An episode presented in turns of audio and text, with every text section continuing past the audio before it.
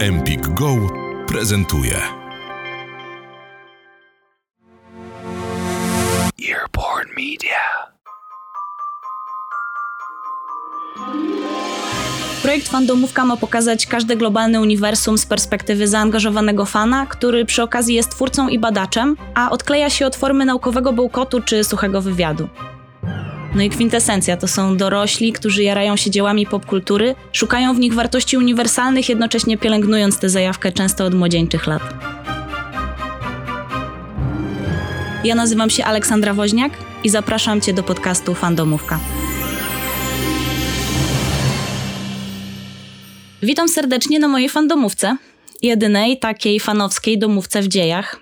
Ja nazywam się Aleksandra Woźniak i szczególnie gorąco pozdrawiam dziś wszystkich miłośników, entuzjastów, zajawkowiczów, bo to właśnie Wam dedykowana jest ta cała seria. Ona powstaje z pasji do pasji i mam nadzieję, że ta wspólna podróż po największych i najciekawszych światach popkultury oraz rozmowy z moimi arcyciekawymi gośćmi i gościniami przyczynią się do tego, że będziecie jeszcze chętniej odwiedzać te fandomy.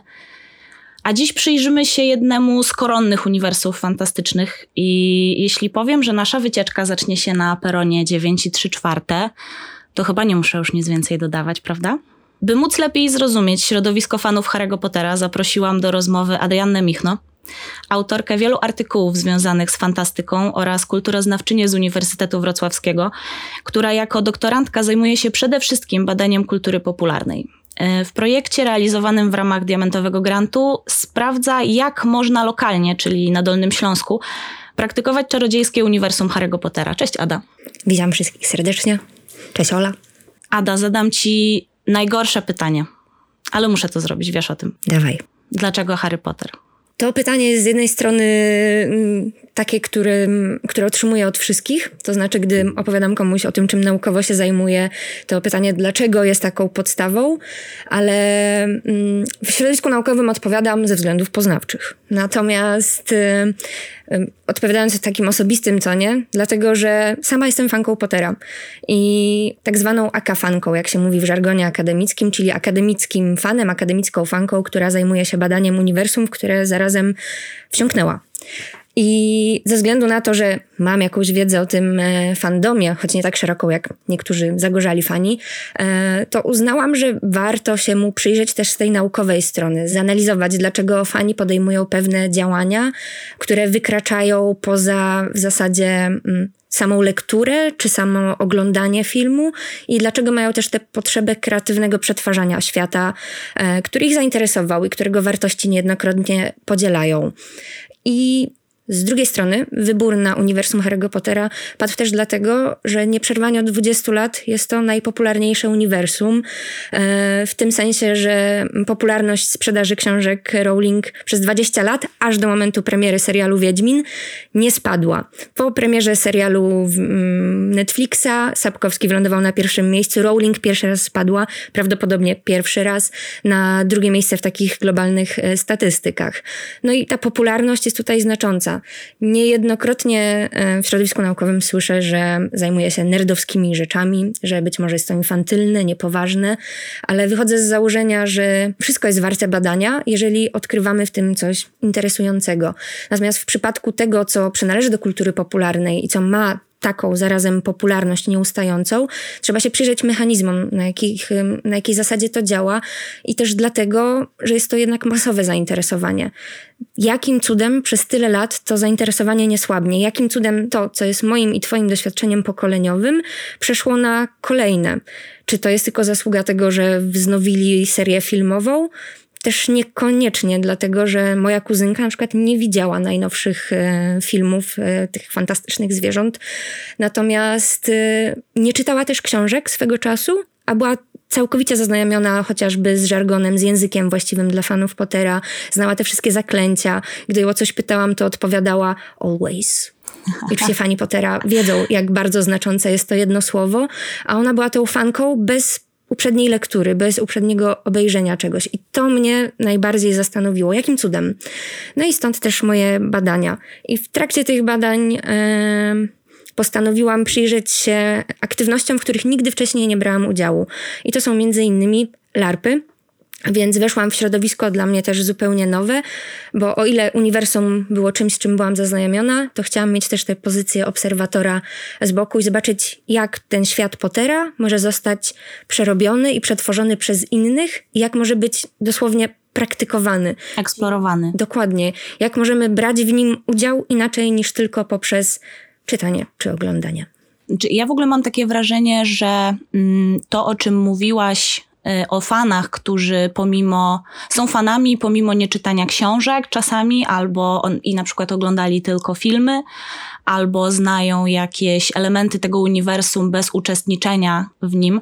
Mam trochę takie wrażenie, że to jest pokłosie tego, że bardzo wielu fanów czytających książki dorastało wraz z tą serią, bo można zauważyć, że jakby każda książka, każdy film, tam ta tematyka robi się coraz bardziej poważna. Ci fani, którzy na bieżąco jakby żyli y, czekali na te książki, na, na, na, to kolejne wydanie, na tą kolejną część, jakby oni się nie robili młodsi. I mam wrażenie, że gdzieś jest taka zasada, że im starsi robią się ci fani, tym starsze i dojrzalsze robi się to całe uniwersum. W związku z tym jakby jego ekspansja jest dużo większa poza samo to środowisko ludzi zainteresowanych. Potter dorastał w książce, a my przez te miesiące oczekiwania również. Y, nie wiem, czy ty stałaś w kolejce w ogóle po książki? Szczerze mówiąc, nigdy w życiu nie stałam w kolejce po książki, y, natomiast z lubością obserwowałam y, w telewizji to, co się dzieje. Bo to, to proszę Państwa, to były relacje największych stacjach. Y, to, to, były, to były relacje z tych kolejek, gdzie ludzie stali poprzebierani za postaci z Harry'ego Pottera, czekając na ten pierwszy rzut tego pierwszego tomu. Pewnie część tych osób wyszła niepocieszona, bo zwyczajnie, zwyczajnie nie starczyło. To były ogromne wydarzenia. I ja nie brałam w nich udziału, natomiast y, po prostu mogłam, mogłam te parę dni poczekać i przejść się do księgarni już bez, bez tego całego tłumu. Natomiast zawsze to bardzo podziwiałam i zawsze myślałam sobie trochę, że ci ludzie muszą być naprawdę wielkimi fanami Harry'ego Pottera i, i, i rozbijają tam namioty przed tymi y, księgarniami, przed tymi empikami, żeby zdobyć swoją ukochaną książkę. I jak tylko taka sytuacja dzieje się dziś, ktoś czeka na, na, na jakąś książkę czy na jakieś buty, bo różne są teraz historie. iPhone X albo tak, albo najnowszą wersję iPhone'a, to ja zawsze sobie myślę o tym bardzo, bardzo pozytywnie. Że to jest super energia i jak duże i jak wspaniałe musi być uniwersum, dla którego ktoś jest gotów y, przez y, kilkanaście często godzin po prostu czekać, czekać i, i, i w sumie nie być pewnym, czy dostanie tę książkę, czy dostanie tego buta, czy dostanie ten telefon, czy dla niego wystarczy. Zawsze chciałam się przebrać i stanąć w tej kolejce, ale gdy byłam mała, to mama mi tłumaczyła, że nie, że to trochę niebezpieczne, że cały dzień. I używała wielu argumentów. I swoją pierwszą książkę Pottera, pierwszą część kupiłam, jak już miałam chyba 16 lat. I dopiero potem się okazało, że chodziło o względy finansowe, że po prostu mama nie wysyłała mnie do tej kolejki z bólem serca, bo po prostu nie było nas stać na te książki. Ale no właśnie, system pożyczeń działał genialnie, bo moja przyjaciółka e, niejednokrotnie stała w tych kolejkach, a mieszkała naprzeciwko. Więc gdy ona wystała swoje, najczęściej już koło północy miała tę książkę, e, naprawdę, ona była jedną z pierwszych w kolejce i po północy zaczynała od razu czytać już w drodze do domu, czyli wchodząc we wszystkie słupki, we wszystkie przeszkody na drodze. E, docierała do domu, czytała, więc ja następnego dnia koło 12 miałam już gotową książkę do przeczytania i kilka godzin później najczęściej mogłam już z kimś ją przedyskutować na żywo. No wtedy też ta dostępność do forów internetowych dla mnie tam 11-12-letniej nie była tak łatwa, więc jedyne co nam zostawało to właśnie ten kontakt e, face to face e, z przyjaciółką i potem z innymi osobami, do których szybko ta książka wędrowała. No bo mm, ogólnie moja okolica była mm, mm, uboższa, więc to dzielenie książkami zarazem sprawiało, że nawiązywaliśmy różne relacje między sobą. Więc w tym sensie Potter też był dla nas istotny, że mogliśmy dzięki niemu może zawrzeć przyjaźnie, bo tak też się zdarzało, ale mieliśmy o wiele więcej tematów. Już nie tylko to bieganie po podwórku, rzucanie piłką, kopanie piłki, już nie tylko wymienianie się karteczkami było tym, co nas spajało, ale właśnie dyskutowanie o tym młodym czarodzieju, który wyrwał się z tego mm, strasznego miejsca i trafia do lepszego, e, wtedy w naszych oczach jak najbardziej lepszego, bo nie mugolskiego świata. I ta książka nam też dawała dużą nadzieję, i zarazem sprawiała, że no jednak mieliśmy na co zawsze czekać. I to czekanie było tym, co trochę fundowało nasze doświadczenie. I podsycało w ogóle całe zaangażowanie w uniwersum. Czyli można w zasadzie powiedzieć, że będąc osobą dorosłą, celebrowanie swojego ukochanego uniwersum jest prostsze, ale chyba trochę mniej emocjonujące. Wydaje mi się, że to jest bardzo indywidualna sprawa, ale trochę inaczej podchodzimy do tego jako zajawki być może. Nie wiem, czy dzisiaj bym stała przebrana w takiej kolejce, gdybym miała taką możliwość. Niemniej, gdy wyszło Przeklęte Dziecko, to wcale nie śpieszyłam się do księgarni, ale dlatego, że to był inny format. To nie była kontynuacja serii, ale też e, ogólnie środowisko fanowskie nie jest też tak otwarte na e, kontynuację czy na prequele tej serii, dlatego że mm, to jest już zamknięta całość. My już ją przeżyliśmy i do niej wracamy z sentymentu, z nostalgii. Ale chyba rzeczywiście te emocje już nie są takie same. I tak jak wcześniej wspomniałaś, że eksplorujemy ten świat w trochę inny sposób, bo jesteśmy też dojrzalsi i szukamy tych innych sposobów. I chyba właśnie to mm, podróżowanie to poszukiwanie miejsc, które mogą nas połączyć z tym sentymentalnym doświadczeniem z lat młodości, e, albo po prostu z jakimś doświadczeniem z innym uniwersum, czy to Marvelowym, czy z uniwersum Gwiezdnych Wojen, jest tym, co pozwala nam dalej trwać w tym świecie, choć tamten sposób, na przykład czytanie już przeżyliśmy i teraz szukamy innego. No właśnie, jakie są mm, narzędzia fanów Harry'ego Pottera w dzisiejszych czasach? Wydaje mi się, że nie różnią się zbytnio od narzędzi innych fanów, samych, e, samych w sobie, ale tym, co robią na przykład fani Pottera na Dolnym Śląsku, to jest larpowanie. I jednym z takich larpów jest właśnie College of Wizardry, które odbywa się na Zamku Czocha, które zostało, który to zamek został uznany za polski Hogwart. I w toku swoich badań, podczas wywiadów z uczestnikami zarówno College of Wizardry, jak i e, kolonii takich poterowych, choć dzisiaj już troszeczkę zmieniły swoją formułę i to są kolonie dla młodzieży bardziej po prostu stematyzowane fantastycznie, to właśnie w trakcie rozmów z uczestnikami tych dwóch mm, eventów, tak mogę to zbiorczo nazwać, e, wyszło na to, że zamek Czocha ze wszystkich zamków w Polsce najbardziej przypomina ten Hogwart filmowy osobom, które właśnie biorą udział w tych wydarzeniach. Że jest tam wieżyczka, że jest fosa, że jest gdzieś tam dalej jezioro i to ma ten klimat, ale mm, tutaj ta rola krajobrazu odgrywa Czyli dużą rolę. Czyli taki element wizualny po prostu jest dominujący i faktycznie na pierwszy rzut oka, ja widziałam zamek Czocha, bardzo Państwu polecam y, się tam wybrać i czy jeżeli nie ma takiej możliwości, to sobie po prostu zobaczyć, jak to wygląda w internecie. Faktycznie brakuje tylko latających świec dookoła próbowali to robić nawet na jednym larpie. Latające świece. Na takich żyłkach zostały zamontowane, nie mogły to być prawdziwe świece ze względu na to, że zamek ma tam pewne elementy, których broń Boże nie wolno spalić, e, bo byłoby to niezwykle Konserwator kosztowne. zabytku dostałby zawału. Dokładnie. Ale na takich linkach, żyłkach zamontowali e, elektryczne świeczki i gdzieś tam e, puszczali między oknem z pierwszego czy tam z drugiego piętra do pierwszego, że niby właśnie te świeczki wędrowały i że ktoś je zaczarował. Więc nawet takie rzeczy się e, udawały. Świetnie. A w takich larpach biorą udział osoby z Polski czy z różnych innych krajów również? W przypadku College of Wizardry, jak już sama nazwa międzynarodowa, mhm. angielska, mhm. to przede wszystkim jest wydarzenie międzynarodowe. I w zasadzie osób z Polski jest tam bardzo mało. Można je wyliczyć czasami zależnie od edycji na palcach jednej ręki. I mm, jako badaczka wybrałam się tam i najpierw nikogo nie informowałam o tym, że jestem badaczką, a więc prowadzę właśnie obserwację uczestniczącą, ale niejawną. I mm, bardzo się cieszę, że podjęłam decyzję o pójściu w badania terenowe, dlatego że mm, wcześniej miałam zupełnie inne wyobrażenie o larpie i próbuję teraz swoje doświadczenie przełożyć na słowa i wyjaśnić je innym.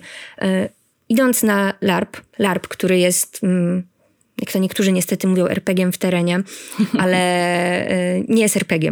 Jest grą która odbywa się w terenie, w, w, trakcie której wcielamy się fizycznie w swoje postaci. Nie tylko, tak jak w RPG, informujemy, co robi nasza postać, tylko nawet nie informujemy, tylko dokładnie to robimy. Ewentualna informacja pojawia się, gdy rzucamy na kogoś zaklęcie i ten ktoś musi się zorientować, co to zaklęcie wywołuje, a to już jest właśnie ta sama mechanika gry, więc informowanie jest w ramach mechaniki gry, a nie... Mm, nie przekazywania informacji, co się teraz dzieje, tylko Dokładnie. faktyczne odgrywanie, czyli w zasadzie tutaj trochę stajemy się jak y, niczym ten aktor na scenie, niczym Daniel Radcliffe. Właśnie to jest bardzo istotne, że nie jako aktor. Okay. Dlatego, że y, wchodząc do zamku, przy, pierwsze osoby, które spotkałam, y, to były osoby już doświadczone w świecie larpowym. W sensie to był ich trzeci albo czwarty larp i to były osoby z Edynburga i spytałam ich, na język polski to trudniej przełożyć, jaką postać grają. I użyłam słowa acting. I automatycznie zostałam poprawiona że nie. My gramy w sensie playing. I że to jest bardziej personifikacja, impersonation? Że to jest dosłownie gra. Okay. W sensie gra nie aktorska, tylko gra w grę. Okay. Gra w granie. W sensie, no, że to jest dosłownie gra w grę. A to ma ogromny ładunek emocjonalny. Też, ale jest bardzo istotny, dlatego że niejednokrotnie o LARPie mówi się, że jest teatrem improwizowanym, a słowo teatr już nam wskazuje, że tam są aktorzy, że, mm, że tam się odbywa gra aktorska, a to jest wcielanie się w postać trochę na innym poziomie. I potem chodząc po zamku już umyślnie do każdego mówiłam, kogo ty tam acting, a on do mnie, nie, nie, ja playing, nie acting. I mówię, no po polsku jest to trudno przełożyć, ale było to coś dla mnie bardzo znaczącego, dlatego, że jak wczytywałam się w literaturę o larpach, niekoniecznie tworzoną przez larpowców, e, to często pojawiały się tam takie informacje, że mamy tam zawsze mistrza gry, RPG-u, że zawsze mamy e, tam właśnie jakiś scenariusz, no ale larpy są tak różnorodne, że nie każdy ma też swój scenariusz i że często mm, właśnie jest to jak teatr że e, gramy swoje postaci, w sensie i ten wydźwięk był taki aktorski. I z takim przekonaniem też tam szłam, dlatego byłam przerażona, jak ja mam grać jakąś postać, jak ja jestem Adą i mam tu być jakąś czarodziejką. No ale na szczęście um, College of Wizardry to jest e, LARP typu nordyckiego, tak samo jak Witcher School. O którym będziemy jeszcze rozmawiać, ale spoiler alert, nie dziś. I wtedy o wiele więcej dowiecie się też o samych larpach. Natomiast tak z mojej własnej perspektywy osoby, która jeszcze o larpach nie wie tyle, co następny, spoiler alert, gość. E, z perspektywy osoby, która brała udział wtedy pierwszy raz, byłam przerażona. Na szczęście przy larpach nordyckich i prawdopodobnie przy nich też jest to przyjęte, e, są warsztaty przygotowujące do gry. I te warsztaty trwały kilka godzin i były bardzo, bardzo cenne, bo nie miałam pojęcia, jak wczuć się w postać, która została mi gdzieś tam przydzielona. Miałam ogólne pytania co do zarysu tej postaci, ale nie wiedziałam, jak to robić, jak mam grać postać. Wiedziałam, jak ruszać pionkiem na planszy i jak informować w RPG-u, że coś robię, ale jak ja mam się wczuć tak, żeby nie czuć się głupio. I w zasadzie ta obawa przed czuciem się głupio była największa. I to jest też pokłosie tego, że niestety praktyki związane z popkulturą, zwłaszcza ze światem fantazy, są odbierane jako wciąż infantylne, są postrzegane jako takie patologiczne trochę, tak, że to dorośli uciekają w świat fantastyki. I niestety idąc tam po raz pierwszy, miałam gdzieś to z tyłu głowy, bo niejednokrotnie też od naukowców słyszałam, że no, zajmuję się takimi nerdowskimi rzeczami, no, no, poważne rzeczy. I to zawsze było trochę ironiczne. I niestety to oddziaływało na mnie tuż przed wejściem w postać. I całe, całe szczęście, że to mogło zniknąć. Mogłam się zupełnie oderwać od siebie samej. I z tego, co rozmawiałam z innymi uczestnikami, to nie jest typowe. To znaczy, że nie wszyscy dają sobie przejąć kontrolę mm, na, przejąć nad sobą kontrolę swojej postaci i wolą trzymać ją w ryzach, czyli są tacy rozparcelowani, rozdzieleni. Podczas warsztatów informowano nas o zasadach tego świata, o kodach, gestach, których mamy używać, żeby na przykład pokazać, że jesteśmy poza grą, czyli właśnie wychodzimy z postaci. To było takiego robienie, to był taki daszek nad oczami, który się robiło i wtedy było wiadomo, że do tej osoby teraz jako in-game w trakcie gry się nie podchodzi. I po pierwsze te wskazówki były cenne, bo już bardziej wiedziałam o co tutaj chodzi i czułam się pewniej znając zasady gry. Natomiast wciąż się obawiałam tego, jak mam zostać tą Alfred, która została mi przydzielona. I potem były warsztaty, w których pytano nas, czy nasza postać na przykład jest y, agresorem, prawda? Czy prześladuje innych. No i tam się tak, trochę nie. I tam się rozdzielaliśmy w różne kąty. I potem ktoś nas y, pytał, czy, jako, czy nasza postać, czy my jako osoby bylibyśmy w stanie zagrać postać, która właśnie ma takie mocniejsze sceny. I dzięki temu, że byliśmy podzieleni na kilka grup w różnych salach, jednocześnie były różne warsztaty, ale mm, dzięki temu, że byliśmy tak podzieleni, że też siebie widzieliśmy nawzajem, to mogliśmy łatwiej w grze się potem odnaleźć, bo trudno jest nam zapamiętać imię i nazwisko i potem skojarzyć z osobą, łatwiej jest po prostu kojarzyć twarze. Jeżeli ktoś, kto chce być prześladowany, że tak powiem wprost, stoi obok mnie, która też chce być prześladowana, no to wiemy, że na przykład możemy zostać w grze jako postaci przyjaciółmi, choć daję bardzo okropny przykład, zaczęłam od prześladowania, ale no, to czyste patologizowanie szkoła. fanów. To, to, to jest szkoła. Właśnie uniwersytet, nawet się college, prawda? Więc nawet stopień wyżej, wyżej niż e, liceum. No i z czasem zaczęłam e, dookreślać też przeszłość mojej postaci, bo było pytanie, czy nie wiem, czy jesteś sierotą, czy jesteś półsierotą. No, no w świecie Harry'ego Pottera bycie sierotą to plus 10 punktów. No dokładnie, ale ja wybrałam, że mam przemocowego ojca. O, czyli takie szczegółowe pytanie. Dokładnie. Znaczy, wiesz, z tego co opowiadasz, to ja m, mm, trochę nie dziwię się, że, y, że larpy tak ochoczo są porównywane do, do gier RPG, bo tam też bardzo ważnym aspektem jest to zbudowanie swojej postaci i też ono jest dość szczegółowe. Ono też opiera się o... Mm, o pewne umiejętności, o pewne czary, których możemy, możemy używać. Tutaj uśmiecham się do wszystkich fanów Dungeon and Dragons, którzy, którzy wiedzą o czym mówimy, bo, bo tam jakby to określenie postaci też jest bardzo ważne, więc faktycznie odgrywa się rolę, którą wcześniej trzeba sobie napisać. Tylko tutaj właśnie nie trzeba jej pisać. Są osoby, które piszą sobie całą postać, a potem można ten scenariusz y, swojej postaci, tego co zamierza się robić, tego jakim być, schować do szuflady, bo w trakcie gry po prostu dzieją się nieprzewidziane rzeczy. Na przykład moja postać miała być rasistką która o. z kolei miała, jak to wtedy było twierdzone przez nią, e, właśnie to oddzielenie. Tak mówię teoretycznie o sobie, o swojej postaci, ale to oddzielenie będzie cały czas charakterystyczne. Alfred była rasistką, ale dlatego, że ci mieszanej krwi lub e, mugolskiego pochodzenia mieli łatwiej, czyli wybijali się dlatego, że mm, mieli łatwiej, a nie dlatego, że mieli wiedzę. Ona tak bardzo stawiała na wiedzę. Ale w trakcie gry, nie wiedząc o tym, zaprzyjaźniła się najpierw z czarodzierami mugolskiego pochodzenia. I dynamika całej tej postaci w trakcie się po prostu automatycznie zmieniła. Ale tym, co mnie zaskoczyło mm, w trakcie gry, było to, że tak bardzo się wczułam w tę postać, że nie było ani jednego momentu, w którym poczułam się głupio.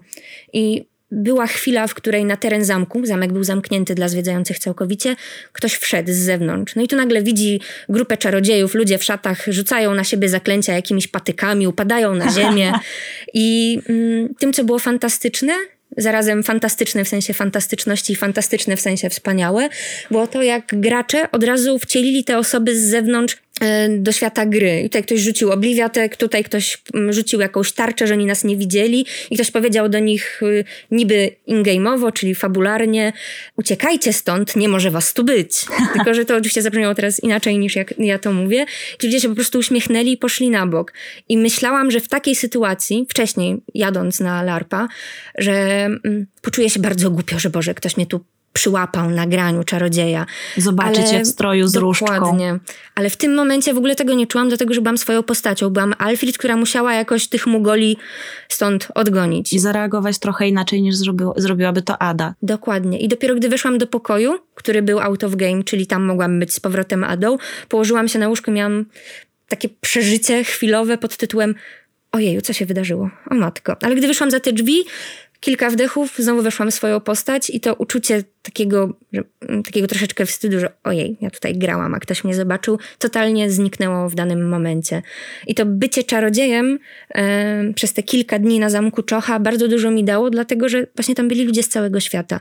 I to też jest powód, dla którego właśnie ten LARP wybrałam do swoich badań. Bo jakim cudem fani Pottera tacy, którzy już troszeczkę z Pottera wyrośli i twierdzą, że już trochę fanami nie są, albo kiedyś byli, ale już im przeszło przyjeżdżają z całego świata na Dolny Śląsk do Zamku Czocha, do którego wcale nie ma prostego dojazdu i odgrywają przez kilka dni czarodziejów, a potem z tego świata lokalnie wyjeżdżają, choć oczywiście dalej w nim tkwią. I to było dla mnie zastanawiające. Dlaczego właśnie Dolny Śląsk? Dlaczego tutaj? I wciąż jeszcze szukam odpowiedzi na to pytanie, ale na pewno ten krajobraz jest tutaj znaczący. Niemniej wciąż ten LARP mógłby się odbywać w Edynburgu, gdzie jest ten zamek, który prawdopodobnie zainspirował Rowling. Prawdopodobnie. Mm, w ogóle wokół mm, inspiracji Rowling do poszczególnych tworów jest bardzo wiele historii, które autorka dość ochoczo dementuje. Natomiast, y, tak jak już wcześniej ustaliliśmy, fani Harry'ego Pottera są bardzo aktywną grupą, więc y, po, jakby na kanwie te, tej ich y, wyobraźni i tej, mm, tego przeżywania tego, tego uniwersum powstaje też bardzo wiele, mm, bardzo wiele utworów, o których też sobie porozmawiamy. Natomiast y, to, o czym jeszcze chciałam porozmawiać, to to, że LARPy to nie jest jedyne miejsce, w którym można celebrować swoje ulubione y, uniwersum, czy to Harry'ego Pottera, czy jakiekolwiek inne. Tutaj wywołany został Wiedźmin, wywołany został Marvel. W Polsce dzieje się bardzo wiele i nie tylko w Polsce. Jest bardzo dużo imprez masowych, Comic-Con, Pyrkon, czy mniejsze imprezy, na przykład Dni Fantastyki, które również dzieją się we Wrocławiu, czy na przykład warszawskie Targi Fantastyki. Tam wszędzie spotkacie fanów Harry'ego Pottera. I, I takie imprezy, w których ja też niejednokrotnie uczestniczyłam, zresztą parę razy miałyśmy okazję tam się na takich imprezach spotkać i, i, i dużo pamiętam o tym rozmawiałyśmy.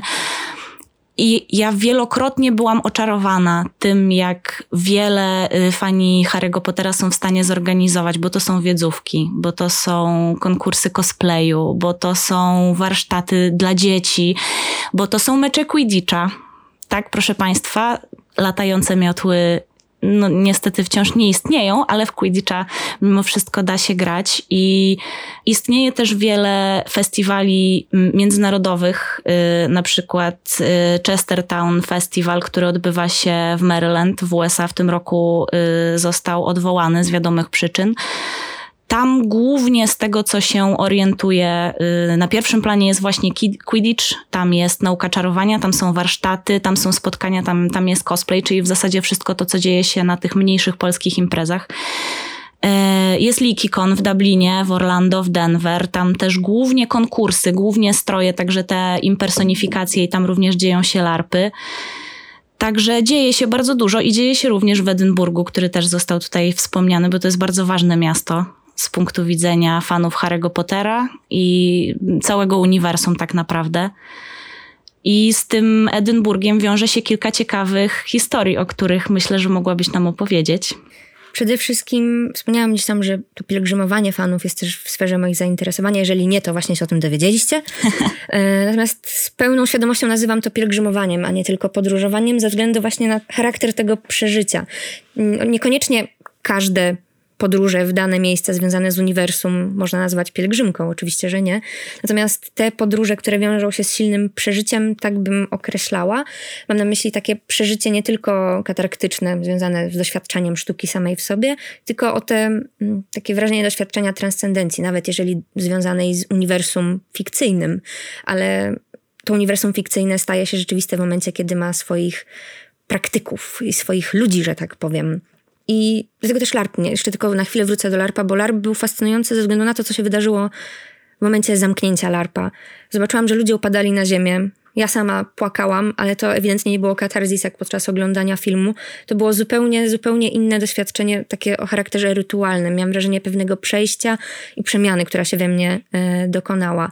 I właśnie tego typu mm, doświadczeń szukam też w innych rejonach. Na przykład e, w podróżowaniu do mm, peronu 9,3 w Londynie albo w podróżowaniu do studia Warner Bros. też w Londynie, gdzie kręcony był Harry Potter, gdzie, się, gdzie są wciąż te scenografie. Ale poza Londynem, tak jak mówiłaś, jest jeszcze Edynburg, do którego fani Pottera i fani Outlandera oraz Sherlocka Holmesa tłumnie się udają. I Sherlock Holmes jest w tej jednej anegdocie, o której chciałabym opowiedzieć, bardzo istotny, dlatego że mm, w styczniu 2018 roku na początku stycznia, to był gdzieś tam 2-3 stycznia, pub Artura Conana Doyle'a, i tak się on też nazywa Conan Doyle mm, Pub, został przemianowany na J.K. Rowling Pub i zamiast obrazu Doyle'a w witrynie pojawił się obraz e, siedzącej tam i piszącej Rowling. I wśród mieszkańców Edynburga i wśród fanów Pottera i wśród fanów Sherlocka i ogólnie w sieci, w fandomie, fandomach zawrzało. Dlaczego właśnie to miejsce, tak znaczące dla e, zupełnie innego artysty i pisarza, zostało zastąpione jakąś nowszą? No i Rowling jest też czasami uznawana za tak grafomankę, osoba, która czerpała z cudzych tekstów. I dlaczego, jakim cudem właśnie e, jego wielkiego klasyka, mistrza przysłonięto nią. I e, posypało się też wiele niemiłych słów na jej temat, dlatego też że mm, chodzi taka plotka, że w Edynburgu nie jest ona zbytnio lubiana. Być może jest to też wynikiem tego, że jest znaną osobą, niejednokrotnie pewnie ktoś dzwonił do jej drzwi. W każdym razie, o ile Potterem Edynburg chce się reklamować i ma tam te trzy puby, o których zaraz wspomnę, w których Rowling pisała Pottera, pierwszą, drugą, trzecią i kolejną część. O tyle samą Rowling nie chcą się chwalić, więc w sensie nie podzielają fascynacji autorką, tak jak podzielają fascynację może światem i tak jak korzystają też z tego świata turystycznie i ekonomicznie. No i byli tutaj oburzeni, że Conan Doyle, który zresztą tutaj mieszkał od początku, tu wszystko powstawało, został przysłonięty. A potem się okazało, że to była tylko czasowa akcja związana z projektem artystycznym pewnej artystki, która po prostu na budynkach w całym mieście rozpisywała książkę. To była autorka kryminałów i dzięki aplikacji można było tę książkę na tych budynkach czytać. Ale wciąż pytanie pozostawało otwarte, dlaczego wybrali pub Conana Doyle'a i dlaczego go w ogóle przykryli i jak mogli. A skoro e, ten Elephant House, czyli tam, gdzie powstawała druga i trzecia część Pottera, był półtorej kilometra dalej. Dlaczego w takim razie nie przemianowali pubu, który był związany ściśle z nią?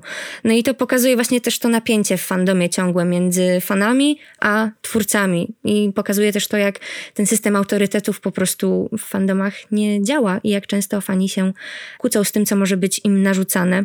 Jak potrafią też bronić miejsc związanych ze swoimi ulubieńcami. I to nie jest tak, że to był konflikt na linii fani Sherlocka, fani Rowling. To właśnie był konflikt na linii fani Sherlocka, fani czegokolwiek, fani Rowling, bo jest decyzja miasta, bo właśnie ta akcja była decyzją miasta. A jeśli ktoś chciałby się udać do Edynburga i na taką pielgrzymkę fanowską, to po pierwsze są bezpłatne oprowadzania z przewodnikiem, które zostały gdzieś tam nawet nagrodzone i można się online na nie zapisać, a po drugie mogą pójść właśnie do tych trzech pubów, do wspomnianego Elephant House, do Nicholson's Cafe, które dzisiaj nazywa się Spoon, w którym Rowling właśnie pisała pierwszą część i ten pub należał do jej szwagra, więc miała tam pełną swobodę w piciu kawy zapewne. I można się też udać do Traverse Theatre Cafe, czyli takiego dawnego teatru. A co do takich eventów, to jeszcze można patrzeć lokalnie na różne wydarzenia. We Wrocławiu na przykład odbywały się Potterchody, albo już z innego uniwersum trochę podchody o tron. I to właśnie mm, uczestniczenie w uniwersach poprzez granie w te uniwersa y, jest tym, co mnie najbardziej fascynuje, dlatego że ludzie dostosowują uniwersum Pottera do swoich też oczekiwań, do swoich możliwości, przerabiają je, grają w nie i w ten sposób tworzą zarazem takie poduniwersa, takie uniwersa, które się rodzą z tego jednego, które stają się też totalnie niezależne, jak w przypadku właśnie LARPów. Jedną z aktywności fanów, która wyrosła z uniwersum e, stworzonego przez Rowling jest Quidditch. Czyli taka aktywność, która polega na graniu w grę, lataniu na miotłach, łapaniu znicza i odbijaniu kafli. Jak wszyscy pamiętamy, dla Harego to się skończyło niezbyt fajnie i niezbyt kolorowo, natomiast jest to sport bardzo kontuzyjny. I jak się okazuje, praktykowany bardzo chętnie na różnych y, konwentach, na różnych eventach. I może opowiesz nam trochę więcej, bo okazuje się, że tych drużyn i w Polsce, i na świecie jest kilka. Set. Set. Kilkadziesiąt już na, na, kiedyś było kilkadziesiąt, teraz już na pewno jest. E, setka na pewno została przekroczona. Quidditch w książkach jest oczywiście inny niż Quidditch, w którego gramy tutaj, w rzeczywistości. I można nazywać go odmianą mugolską, Muggle Quidditch. I no, przede wszystkim różnicą jest to, że miotły nie latają, to znaczy nie są A, latające. Szkoda. Nie da się y, powiedzieć do mnie i nie wskoczy nam w rękę, niestety. Bez sensu. Ale możemy to sobie zawsze wyobrazić, od czego mamy wyobraźnię. Natomiast tak, Quidditch istnieje. Istnieje nie tylko jako taki rozrywkowy element festiwali, ale Quidditch jest, jest też regularną dyscypliną sportową, choć w Polsce jeszcze mm, gracze i Polska Liga Quidditcha o to walczy, by rzeczywiście e, na przykład na uczelniach to też zostało uznane jako regularny sport, za który można by otrzymywać też stypendia, tak jak to się dzieje na przykład za granicą, na przykład na UCLA. E, normalnie studenci otrzymują tam stypendia sportowe, dlatego że Quidditch spełnia wszystkie elementy, by za dyscyplinę sportową też zostać uznaną. I między innymi sędziowie Quidditcha, sędzia główny i y, jeżeli teraz nie przeinaczę, to sędzia zniczowy, przechodzą proces certyfikacji RDP, czyli Międzynarodowego Programu Rozwoju Sędziów. I oni co dwa lata robią testy sędziowskie, na podstawie których dostają kwalifikacje, by w ogóle sędziować w takich e, regularnych meczach. No i to jest też istotne, by było ich jak najwięcej, bo im więcej sędziów, tym więcej rozgrywek można toczyć. I testy odbywają się y, głównie w języku angielskim, chociaż oczywiście gdzieś na świecie może też być inaczej, a ja tego jeszcze nie sprawdziłam, ale póki co y, zauważyłam, że są po, w języku angielskim i y, co sezon jest też aktualizowany y, tak zwany rulebook, na podstawie którego też te testy się odbywają. I ten rulebook dwa lata temu miał 238 stron. I z tych wszystkich stron ci sędziowie są odpytywani i potem sędziują w tych e, zawodach, zawodach krajowych, międzynarodowych również. Mamy też między innymi Międzynarodowy Związek Quidditcha, International Quidditch Association i on właśnie odpowiada też za mm, te międzynarodowe wydarzenia. Mamy też już w Polsce kilka drużyn od 2016 roku na przykład drużyna warszawska, warszawskie Syrenki, czy wrocławskie bliższe mi Wrocław Wanderers, które miało już w swoich rękach Mistrzostwo Polski między innymi. Gratulujemy. W 2018 roku i wicemistrzostwo w 2019. No i właśnie w Pucharze Europy dym, dym, dym, dym, dym, siódme. Co prawda teraz raczej drużyny, na przykład wiem, że Wrocławska nie prowadzi naborów ze względu na COVID, ale gdyby ktoś teraz stwierdził, o matko Boże, mogę grać w Quidditcha, to jak najbardziej możecie się skontaktować z drużynami swoimi lokalnymi gdzieś na Facebooku, a przynajmniej Wanderersi nasi są otwarci zawsze na e, rozmowy. Oczywiście teraz ze względu na pandemię e, treningi czy rozgrywki się nie odbywają, ale zawsze można dostać wskazówki, jakby tu ćwiczyć, jakby tu się zapoznać z zasadami. Zasadami, które, jak już było wspomniane, są inne niż w tym poterowym quidditchu, w tym sensie, że po pierwsze miotły nie latają, po drugie znicz nie jest przedmiotem, tylko człowiekiem. Człowiekiem ubranym na żółto, który ma gdzieś przyczepioną piłeczkę, którą szukający musi złapać.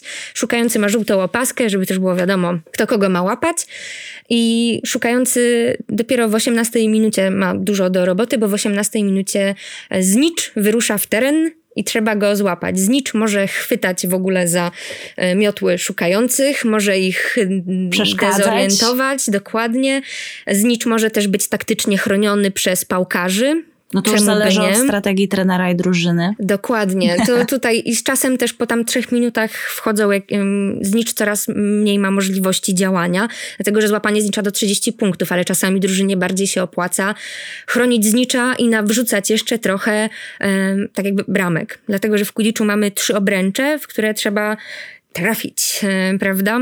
I prawda, no prawda, prawda. mówię tak, to, to jest na pewno prawda. Więc y, ścigający i pałkarze muszą tutaj się wykazać, ale przede wszystkim obrońca też musi e, te trzy obręcze jakoś ochronić. No, y, oczywiście te zasady na przestrzeni lat też się trochę zmieniają, stąd też te aktualizacje, które wchodzą tam co sezon czy co dwa lata i z których sędziowie są też potem sprawdzani dodatkowo, no i też gracze muszą się z nimi zapoznać. Ale tym, co w Quidditchu jest też bardzo, bardzo znaczące i bardzo mnie osobiście cieszy, to fakt, że mają tam taką zasadę proporcji 3 do 4. To znaczy na boisku po 18 minucie, gdy mm, na pewno jest już 7 osób.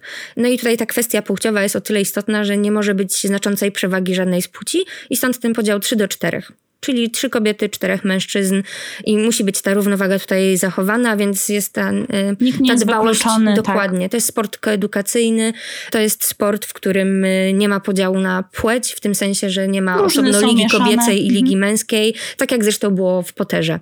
Czy to jest ważne kulturowo i to jest ważne dla samego uniwersum, ponieważ sprawia to, że wierniej odtwarzamy jakby te warunki, o których, o których Rowling pisała i też po prostu jest zwyczajnie milsze. Ciekawa jestem, czy tam jest spalony Albo jest, jakie jest, są jest zasady? tam sędzia bramkowy i on tam wszystko sprawdza, czy nie było faula. Ja nie wiem, czy to się nazywa spalonym, tutaj nie będę udawać, że wiem, e, na, bo byłam tylko na treningach Quidditcha, a inne oglądałam gdzieś tylko na YouTubie, szczerze polecam. To trochę taki e-sport jakby nie było. Trochę, a z drugiej strony takie po prostu oglądanie rozgrywki online. Ale tym, co też e, podczas rozmów z zawodnikami Quidditcha mnie e, sprawiło, że moje serduszko zrobiło się cieplutkie, e, to był fakt, że tam jest rywalizacja w trakcie gry, to jest bardzo kontaktowy, choć miotlarski sport. I choć jest tam agresywnie, tam się nieraz krew leje, nieraz tą miotłą ktoś tym kijkiem miotłą, bo to nie są też prawdziwe miotły, miotły teraz obecnie to są, z tego co obserwowałam, po prostu kijki. No ale to chodzi o to, żeby gracz miał zajętą jedną rękę też przez to, że trzyma i żeby była ta imitacja tego siedzenia na miotle. W każdym razie, mimo że ten sport jest bardzo taki... Mm, ostry. Kontuzyjny. Kontuzyjny też jak najbardziej. To w całej tej lidze, na przykład w polskiej, czy tej, jak były Slavic Cup, to właśnie o tym mi gracze opowiadali, panuje taka przyjemna atmosfera, dlatego że po rozgrywkach, tych super agresywnych rozgrywkach czasami, e, siadali potem do wspólnego ogniska takim i, i to było czymś, co właśnie ociepliło moje serduszko nie tylko płomieniem z tego ogniska, ale też takim płomieniem fanowskim. I to też nie jest tak, że tylko fani Pottera grają w Quidditcha, bo okazało się, że gdzieś tam zapaleńcy jak najbardziej też grają w Quidditcha. Mówiąc zapaleńcy mam na myśli tych pra- takich zaangażowanych fanów. Ultrasów. Ultrasów. Ale w Quidditcha grają też ci tacy um, umiarkowani. Oczywiście teraz bardzo żartuję, bo wartościowanie fanów to w ogóle nie jest fajne, ale jak najbardziej żartuję. Ale chodzi mi o to, że są tam też ludzie, którzy z tym uniwersum nigdy jakoś nie byli związani, ale chcieli się po prostu poruszać, jak to niektórzy wtedy mi podczas wywiadów mówili. Że to zobaczyli, że coś się dzieje w parku, dołączyli, spodobało im się, świetnie się bawili. Więc w tym sensie ten sport się tak uniezależnił od swojego źródła, od tego, co Rowling wy- wymyśliła, że stał się czymś całkowicie odrębnym. I choć wyrósł ze świata fantazy, to jest teraz całkowicie odrębną grą. Tak jak wcześniej powiedziałam, że e, te światy, na przykład larpowe, growe, wyrastają z tego świata Pottera, tak tutaj taka gra sportowa wyrosła zupełnie ze świata fikcyjnego, ale się od niego już całkiem uniezależniła. No i czekam, kiedy w Polsce też będzie to e, dyscyplina, za którą studenci będą mogli otrzymywać stypendia sportowe. Takim pozytywnym krokiem, który zauważyłam, jest to, że Politechnika Łódzka e, wprowadziła już Quidditch jako zajęcia regularne do oferty swojej uczelni. Może jak nie w piłkę nożną, to w Quidditcha uda nam się zdobyć jakiś dobry puchar. No już żeśmy tam zdobywali. Tak, Ja- pozdrawiamy wszystkich fanów piłki nożnej. i wszystkich graczy Quidditcha jak najbardziej. Kibicujemy wam z całego serca. I rzeczywiście pozdrawiamy całą Polską Ligę Quidditcha. Oczywiście Edynburg, o którym wcześniej wspominałam, też ma swoją drużynę Quidditcha, ma nawet e, taką mm, reprezentację swoją własną. Mają też organizację studencką, e, która Harry Potter Society się nazywa. I jak najbardziej tam też działają, robią sobie osobne zajęcia, bale i e, tego typu rzeczy, ale e, ci fani, którzy należą do tego stowarzyszenia, tak samo mają ambiwalentny stosunek do twórczyni tego uniwersum. I to, co jeszcze mnie najbardziej zaskoczyło, to fakt, że o ile mm, obecnie Edynburg jest bardziej Potterowy niż Sherlockowy, niż Outlanderowy, jeżeli ktoś oglądał Out- Outlandera, to się cieszę, jeżeli nie, to szczerze polecam. Edynburg ewidentnie został zdominowany przez Pottera, to znaczy Sherlock jest tam trochę już ukryty. Przez jakieś remonty sam pomnik Conana Doyle'a też zniknął, ale to znowu mm, nie była decyzja e, związana z tym, że chcą się go pozbyć, tylko po prostu były tam jakieś remonty i stąd tego pomnika obecnie tam nie ma.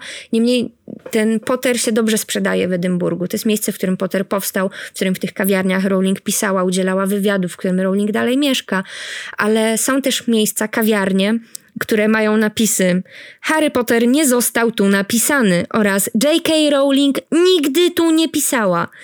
I to jest związane też z tym ruchem, który się tam odbywa. W okresie wakacyjnym tam podobno jest szaleństwo. Tam jest też e, sklepik stylizowany na ten z ulicy nie ten pokątnej. Pokątnej, przekątnej. W każdym razie jest tam też sklep Potterowy i są różne miejsca. I na przykład wspomniany Elephant House w ogóle liczy sobie za wejście, żeby jakoś kontrolować tłumy, dlatego że niektórzy tam nie zamawiali niczego, a po prostu wchodzili robić zdjęcia. No i teraz pobierają za to opłaty i mają limit, e, limit osób, które może dzięki temu mm, wejść. Ale no właśnie, przez to, że Edynburg stał się tak bardzo poterowy, no to wiele kawiarni prawdopodobnie otrzymuje pytania, czy Rowling tu pisała, więc już woleli się zabezpieczyć, wystawić taką kartkę i mieć spokój, żeby mieć po prostu klientów, którzy będą mogli spokojnie napić się kawy, czyli robić to, do czego kawiarnia jest przeznaczona. Ale same te napisy może o tyle nie, że jeszcze ten Harry Potter nie został tu napisany, tak mnie bardzo nie zastanowił, to właśnie sam fakt podkreślania, że Rowling tu nie było, Rowling tu nie pisała. To jest bardzo znaczące, jakie jest to napięcie też lokalne między mieszkańcami, mm, między ludźmi tam pracującymi, a tą autorką. Ciekawe, mm, bo my tak krążymy, krążymy wokół tematu niechęci jakby fanów y, uniwersum Harry'ego Pottera do, do twórczyni tego uniwersum, które tak, które tak lubią, ale trzeba przyznać, że nie bez przyczyny tak jest, bo J.K. Rowling y, w moim odczuciu trochę zasłużyła na tę niechęć. Y, nie będziemy się tutaj wdawać jakoś, jakoś w szczegóły, bo myślę, że każdy, kto ma internet i który, i każdy, kto śledzi od czasu do czasu jakieś doniesienia z tego, z tego świata popkulturowego, wie, co tam, co tam się wydarzyło. Y, bo pamiętajmy, że J.K. Rowling przez bardzo długi czas yy, angażowała się w takie ruchy trochę bardziej liberalne, opowiadała y, o tym, jakie są jej poglądy. Czasami deklarowała nawet, że niektóre postaci y, miały trochę inne cechy niż nadała je faktycznie w rzeczywistości. Dostaliśmy informację, jako, jakoby Dumbledore był osobą homoseksualną, jakoby y, Hermiona miała inny kolor skóry niż faktycznie było to opisane w książce. I mam, troch, mam takie wrażenie, że fandom wcale nie zareagował na to jakoś bardzo optymistycznie, ponieważ takie zmienianie tego uniwersum, podczas kiedy już faktycznie te książki y, są na półkach i, i jest w nich opisana taka, a nie inna, a nie inna historia, może być trochę mylące. I kolejne... Mm, znaczy tutaj można powiedzieć, że fani są też oburzeni, bo halo, fanfiki są domeną fanów. Fanfiki nie są domeną autorów. Jeżeli autor coś napisał, to już niech tam nie dopowiada. Takie, tak, takie dopowiadanie historii, która w w rzeczywistości urodziła się w jej głowie i być może w tej jej głowie dalej się rozwija, niekoniecznie jest w porządku względem fanów, którzy już tę historię znają od bardzo, bardzo wielu lat, bo przypomnijmy, w, w lipcu obchodziliśmy 20. rocznicę wydania y, w Polsce e, pierwszej książki z tej serii. W związku z tym to uniwersum, już mówiąc brzydko i bardzo przepraszam, ale się trochę uleżało i w tej świadomości fanów wygląda w bardzo określony sposób. A dodajmy, nikt nie miał pretensji o to, że ci bohaterowie są czy nie są tacy albo inni. Jakby... Znaczy pojawiały się głosy, no i trudno im zaprzeczyć, że sam wydźwięk i wartości, które są tam prezentowane, e, są takie bardzo konserwatywne. Że to jest ten nurt bardzo konserwatywnego fantazy jednak. Właśnie dlatego, że e, Rowling tam nie stawiała na prezentowanie różnorodności. Tam nie ma tego hasła sprawiedliwości społecznej czy diversity. Tam mamy Hermiona, która, która walczy o skrzat, ale ona jest wyśmiewana przez tę swoją walkę. I takie zarzuty się wobec Rowling pojawiały, ale ona na nie i tak zbytnio nie odpowiadała. W sensie ona lubi dyskutować z fanami, ale takie dodawanie do uniwersum własnego e, rzeczy, których nie napisała, dodawanie czegoś w wywiadzie, w jakiejś rozmowie, no po prostu burzyło, y, oburzało, ze względu na to, tak jak powiedziałam, no dodawanie czegoś, do, co już zostało napisane, nie jest domeną autora. Nie w ten sposób. Jeżeli chciałaby coś dodać, no to powinna stworzyć opowiadanie, powinna stworzyć w ramach istniejącego książkę, uniwersum, jakby konsekwentnie korzystając z tego, co już zostało powiedziane, napisane, zinterpretowane przez mówi, że coś tam może było, że może ktoś był taki, a nie inny, ale to jest trochę tak jak... Yy, powiedzieć coś, ale nie wydać oświadczenia, prawda? Czyli, że no w sumie tam mogło tak być, tak było, ale w sumie tego nie potwierdzę na piśmie. Więc tak, tak to trochę było odbierane, tak sama też to trochę odbierałam. Wiecie, ucieszyły mnie pewne rewelacje, że także Dumbledore był gejem, miałam takie, no to by w sumie pasowało, ale z drugiej strony dlaczego o tym nie było w książce? Jeżeli o tym nie było, no to dlaczego o tym wspomina? Czy robi to, by przypodobać się pewnej grupie fanów? Tak to niestety trochę yy, Mogło widziałam. wyglądać, mogło, mogło to tak zostać odebrane, myślę, nie tylko przez ciebie, ale co ciekawe, przygotowując się do naszej dzisiejszej rozmowy, odkryłam, że y, wnikliwych fanów jest bardzo dużo i znaleźli oni mnóstwo takich szczegółów, które, które gdzieś tam im się nie kleiły, a ponieważ J.K. Rowling stworzyła uniwersum niezwykle złożone, to było to bardzo proste, żeby coś, żeby coś przeoczyła, była, była niekonsekwentna. I nie chodzi mi o to, żeby tutaj absolutnie kogokolwiek krytykować, bo ja nie byłabym w stanie takiego uniwersum stworzyć nawet, nawet do szuflady. Natomiast z takich ciekawych, takich ciekawych rzeczy, które udało mi się znaleźć, posłużę się tutaj swoimi notatkami. Y, jedną z takich y, ciekawostek, która przykuła moją uwagę tak naprawdę dopiero w momencie, kiedy o tym przeczytałam, bo wcześniej przyznam szczerze, w ogóle nie zwróciłam na to uwagi, było to, że bohaterowie przez y, cały czas trwania powieści nie używają żadnych przedmiotów, które należą do świata mugolskiego. I o ile ma to, mm, ma to sens, ponieważ znajdują się w świecie całkowicie magicznym, o tyle, o tyle pamiętajmy, że część uczniów z tego świata pochodzi, a myślę, że y, w latach 90. pojawiały się już pierwsze telefony, pierwsze komputery, pierwsze przeglądarki i nawet w momencie, kiedy znajdujemy się fabularnie w świecie mugolskim, mm, trochę tych elementów y, brakuje i niektórzy fani zarzucali jakby brak realizmu i takie niepotrzebne jakby zapominanie o tym, o tym elemencie, który był bardzo ważny, a pamiętajmy, że w latach 90. powstawało wiele utworów, y, wiele dzieł, które bardzo korzystały jakby z tego właśnie elementu technologicznego, który bardzo się wtedy rozwijał. Inną bardzo ciekawą uwagą, na którą absolutnie sama bym nie wpadła, było to, że bardzo niewiele osób żyjących współcześnie y, dla Harry'ego Pottera nie postanowiło skorzystać sobie ze stworzenia własnego portretu, by żyć wiecznie. Wpadłabyś na to? Nikt tego nie zrobił, a przecież była taka możliwość. Hello, to byłaby pierwsza nie, rzecz, Dumbledore jaką... zrobił. No Dumbledore był tak, ale on no, był dyrektorem. On miał na własną ramę. Ciekawe było też to, dlaczego Dumbledore, posiadając zmieniacz czasu, nie wykorzystał go w tak wielu elementach i w tak wielu momentach, na przykład do uratowania Syriusza osobiście albo uratowania rodziców Harry'ego Pottera. Hm? Bo co było, to już się wydarzyło, cytując bohatera filmu Tenet Nolana, który obejrzałam wczoraj. I ogólnie paradoksy czasu e, na pewno skomplikowałyby niezwykle e, to uniwersum, a jednak takie skomplikowane rzeczy nie są domeną jednak uniwersum Pottera. No to była jednak książka tworzona dla najpierw dla dzieci, potem dla młodzieży, a potem już dla młodzieży starzejącej się. E, dzień dobry. nie, nie wiem o kim mówisz. W każdym razie wydaje mi się, że unikała tych paradoksów czasu ze względu na, na to, że trzeba było się bardzo wikłać w to wszystko. Ale z drugiej strony, skąd wiemy, czy, on, czy to wszystko właśnie się nie wydarzyło dlatego, że Dumbledore w czasie podróżował? Ha? Zatkało mnie.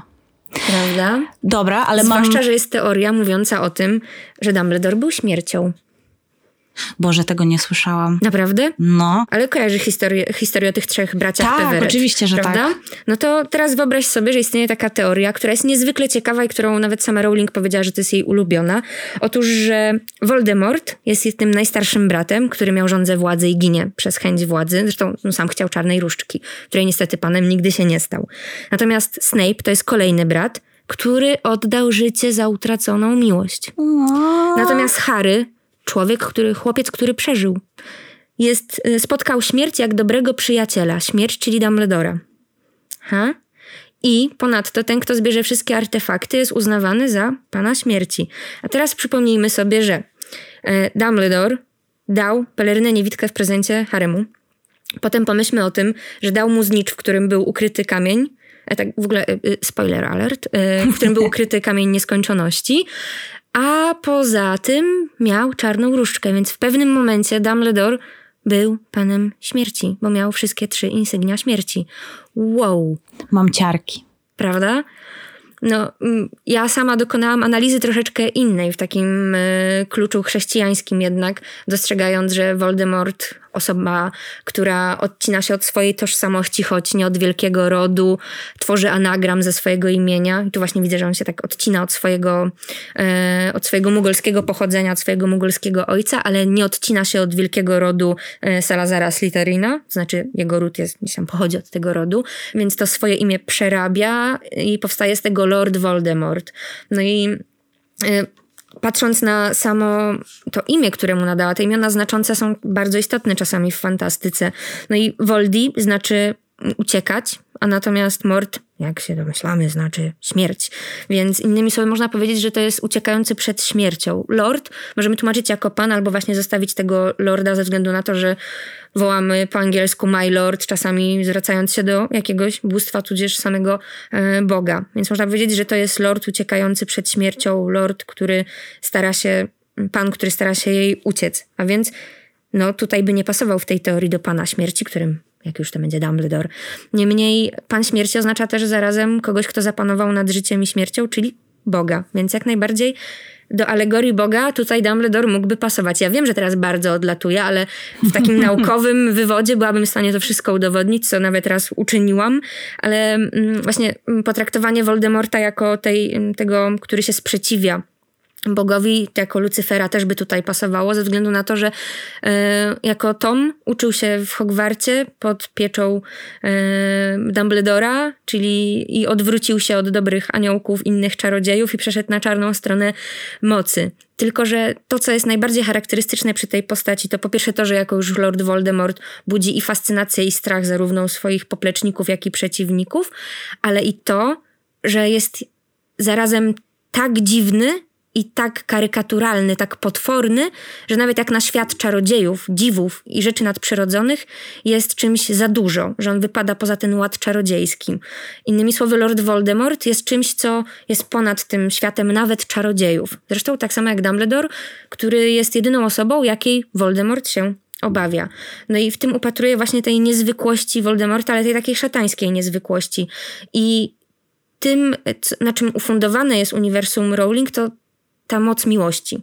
Przecież ta miłość ostatecznie ocala Harry'ego Pottera i ostatecznie chłopiec, który przeżył, nasz odpowiednik Chrystusa, z martwych wstaje, ocalony właśnie dzięki miłości, dlatego że on się chciał poświęcić za innych i to poświęcenie było motywowane miłością. Więc te wszystkie inne postaci, yy, poza inne postaci są motywowane tą miłością bardzo często.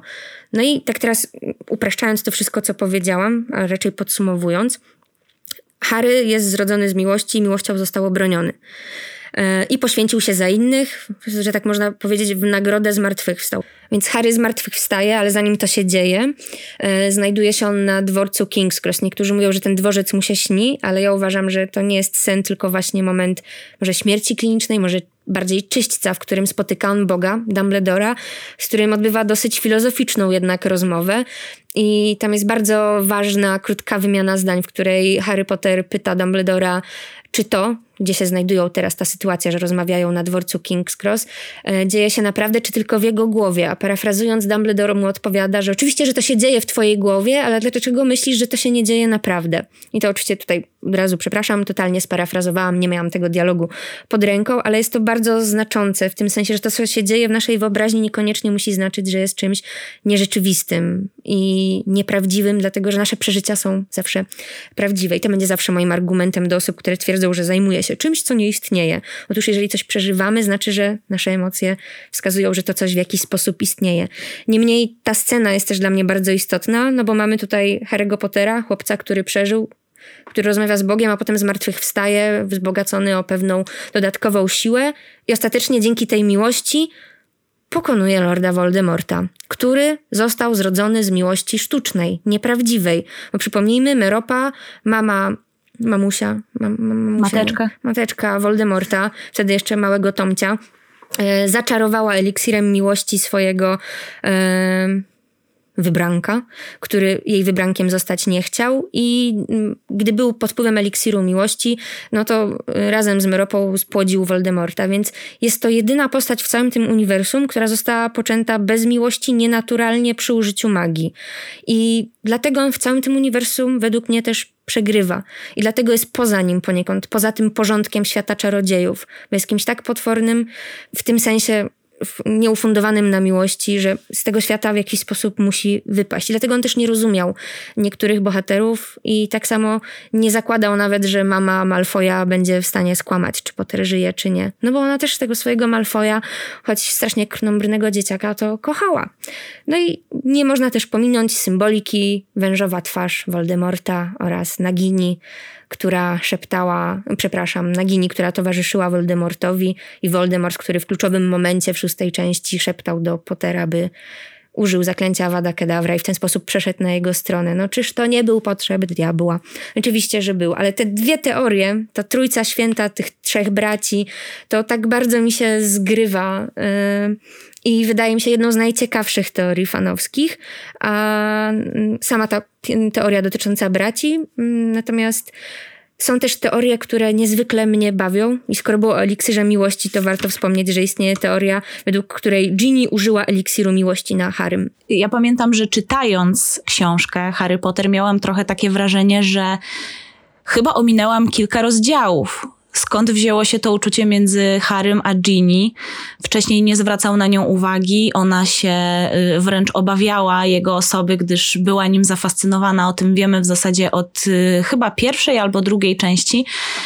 Ale każdy, kto przeżył chociaż raz w życiu wielką miłość, wie, że to po prostu spada na człowieka. Nie wiadomo kiedy i nie wiadomo jak, więc może tak można to tłumaczyć. Chociaż eliksir miłosny, podoba mi się ta wersja. Bardzo podoba mi się ta wersja. No co do wątków miłosnych, no to niewątpliwie wątek Harego i Hermiony. To, o, chciałoby się. To jest. Chciałoby to, się. Wątek Harego i Hermiony jest niejednokrotnie bohaterem niejednego fanfika. Czasami tak. bardzo ostrych, nawet bym powiedziała, fanfików. Tak jak e, Drary, prawda? Dra, Draco Malfoy oraz Harry. Niemniej to, co chciałam powiedzieć, to coś innego, że e, w tej kanonicznej opowieści. Najpiękniejszą historią miłosną jest dla mnie nawet nie historia nieszczęśliwej miłości, bo zazwyczaj jestem fanką tych nieszczęśliwych, czyli Snape'a i mamy y, Pottera Lily. Natomiast tutaj byłam użyczona tym, jak konsekwentnie była rozwijana ta relacja między Ronem a Hermioną. I to się Rowling udało, bo na tle tej jednej relacji reszta wypada blado, bo w zasadzie, tak jak mówisz, no, one nie, nie, były rozwijane ani między Ginny a Harem, ani między Cho Chang a Harem, ani między innymi bohaterami. W zasadzie... Czy między Cho a Cedriciem, czy między Hermioną a y, tym uczniem z Durmstrangu. Jak Oni się sobie posyłali spojrzenia, no to powiedzmy, że... Nie no, no poszli dobra, razem no. na bal, come on. No tak, poważna on sprawa. tam ćwiczył, prężył muskuły i ona ale tam tak, posyłała spojrzenie. Ale wiesz, muszę ci przyznać rację, bo ja pamiętam, że moje takie poczucie podczas obserwacji właśnie tych relacji między Ronem a Hermioną, to było takie głębokie poczucie, jak bardzo sprawiedliwie jest to poprowadzone i jak bardzo szczerze, ponieważ te miłości nastoletnie nie są proste i ten taki etap pomiędzy e, byciem zwykłymi kolegami i przeżywaniem niesamowitych przecież przygód, niesamowitych nie tylko, nie tylko w świecie magicznym, ale w świecie takim codziennym, jeżeli przełożymy sobie to na jakieś takie e, bardziej przyziemne, przyziemne tematy. Pamiętajmy, że te miłości są niezwykle skomplikowane i przyznanie się do tego, że coś między nami jest, jest niezwykle trudne w wieku lat, przypomnijmy, nastu, tak, 13, 14, 15, więc, y, więc byłam pod ogromnym wrażeniem tego, jak wnikliwie Rowling yy, przeanalizowała te młodzieńcze umysły i od, przeniosła je na, je na kartki. Nie udawało jej się to przy okazji budowania wszystkich bohaterów, a tym razem naprawdę odrobiła lekcję i, i stworzyła bardzo fajny schemat trochę, takiego, takie, taki schemat i studium młodzieńczych uczuć, które wybuchają w bardzo specyficznych okolicznościach przecież. Tylko niestety przy tej jednej parze. Tak mi trochę brakowało tego częściej, no ale teraz, gdy jestem już starsza, gdy byłam nastolatką, to oczywiście to wszystko jak najbardziej odpowiadało. Co do takich nietypowych relacji miłosnych, no to jeszcze jest jedna arcyciekawa e, teoria fanowska, jako że kotka Filcza to tak naprawdę jego żona. Tak, pani Norris. Która zmieniła się w kota przez nielegalne zabawy z animagią. Popieram. Pop jestem fanem tej teorii. Wszystko, na, wszystko nabiera sensu. No to dobra, to jeszcze cię przetestuję jeszcze dwoma takimi powiązanymi. Czy Dajesz. słyszałaś? Dajesz. George Wesley to Willy Wonka. Tak, tak, tak, wiem nawet y, skąd to się wzięło, ponieważ y, Willy Wonka miał problemy ze słuchem, a jak wiadomo y, George stracił słuch zdaje się w jednym uchu podczas bitwy o Hogwart. Mają taki sam kolor włosów i uwielbiali słodycze i w ogóle niesamowite miał rzeczy. swój sklep przecież George, prawda? Razem najpierw z bratem, potem tak. nie miał brata, więc zasadzie mógł się przenieść do jakiejś dziwnej krainy z małymi ludkami. No, jak to były? Umpalumpy? Umpalumpy, tak. Dokładnie, to by pasowało do George'a totalnie. No bo poza tym fabryka czekolady czekolady funkcjonowała totalnie na zasadach jakichś magicznych. Więc mm. no tak, to mi się klei, tak, podoba mi się, dawaj następne. Tylko skąd taki crossover by się wziął, nie? Ale nieważne, to, to jest seria fanowska, to to mi siada, to, to się sprzedaje. Tak, to się klei. Dawaj następne. I teraz coś, co mnie totalnie zafascynowało, że dementorzy interesowali się bardziej Harym, bo miał dwie dusze w sobie. I dlatego był dla nich tak fascynujący. I mało tego, fakt, że Harry miał dwie dusze, tłumaczy, dlaczego miał wspomnienia na temat śmierci swoich rodziców dopiero po ataku dementorów. W sensie w trakcie najpierw zaczęły mu się pojawiać. I w filmie to nam dobrze pokazują, bo nie widzimy ataku Voldemorta z perspektywy rocznego dziecka, tylko widzimy perspektywę oprawcy Voldemorta, który atakuje matkę z dzieckiem na rękach. I to by miało tak ogromny sens, czy zamierzony przez autorkę, czy nie, to jednak to by się tutaj bardzo sprawdzało. I zatem wychodzi na to, że te cząstki Voldemorta, duszy Voldemorta miały w sobie jakieś wspomnienia i oto Dementor je uwolnił. Nie znałam tego. Ale ja też mam dla ciebie bombę.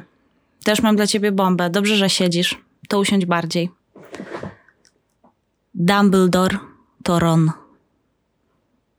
Przecież Dumbledore był siwy, ale w sumie nie musiał no być siwy właśnie, zawsze. No nie musiał być siwy zawsze. Niektórzy uważają, że ten sam kolor włosów oraz problemy ze schodzeniem, bo przypomnijmy, że Ron w trakcie meczu Quidditcha i podczas bitwy o Hogwart doznał pewnych urazów. Niektórym te dwa jakby fakty wystarczyły do tego, żeby stwierdzić, że Dumbledore jest Ronem. No, mm, Jak Państwo nie widzicie, ale Ada ma niesamowity wyraz twarzy w tej chwili. I wiem, że pierwszą rzeczą, którą zrobi po wyjściu z tego studia, będzie e, sprawdzenie tej teorii i pewnie obalenie jej. ale to by miało... Próbuję doszukać się sensu, czyli Ron zawinął zmieniać czasu Hermionie, po tym jak na przykład Hermiona powiedzmy umarła, nie mógł znieść, ale potem stwierdził, że musi wszystko naprawić w przyszłości. Nie, nie. Trzymacie się jeszcze? Nie. Trzymacie się jeszcze?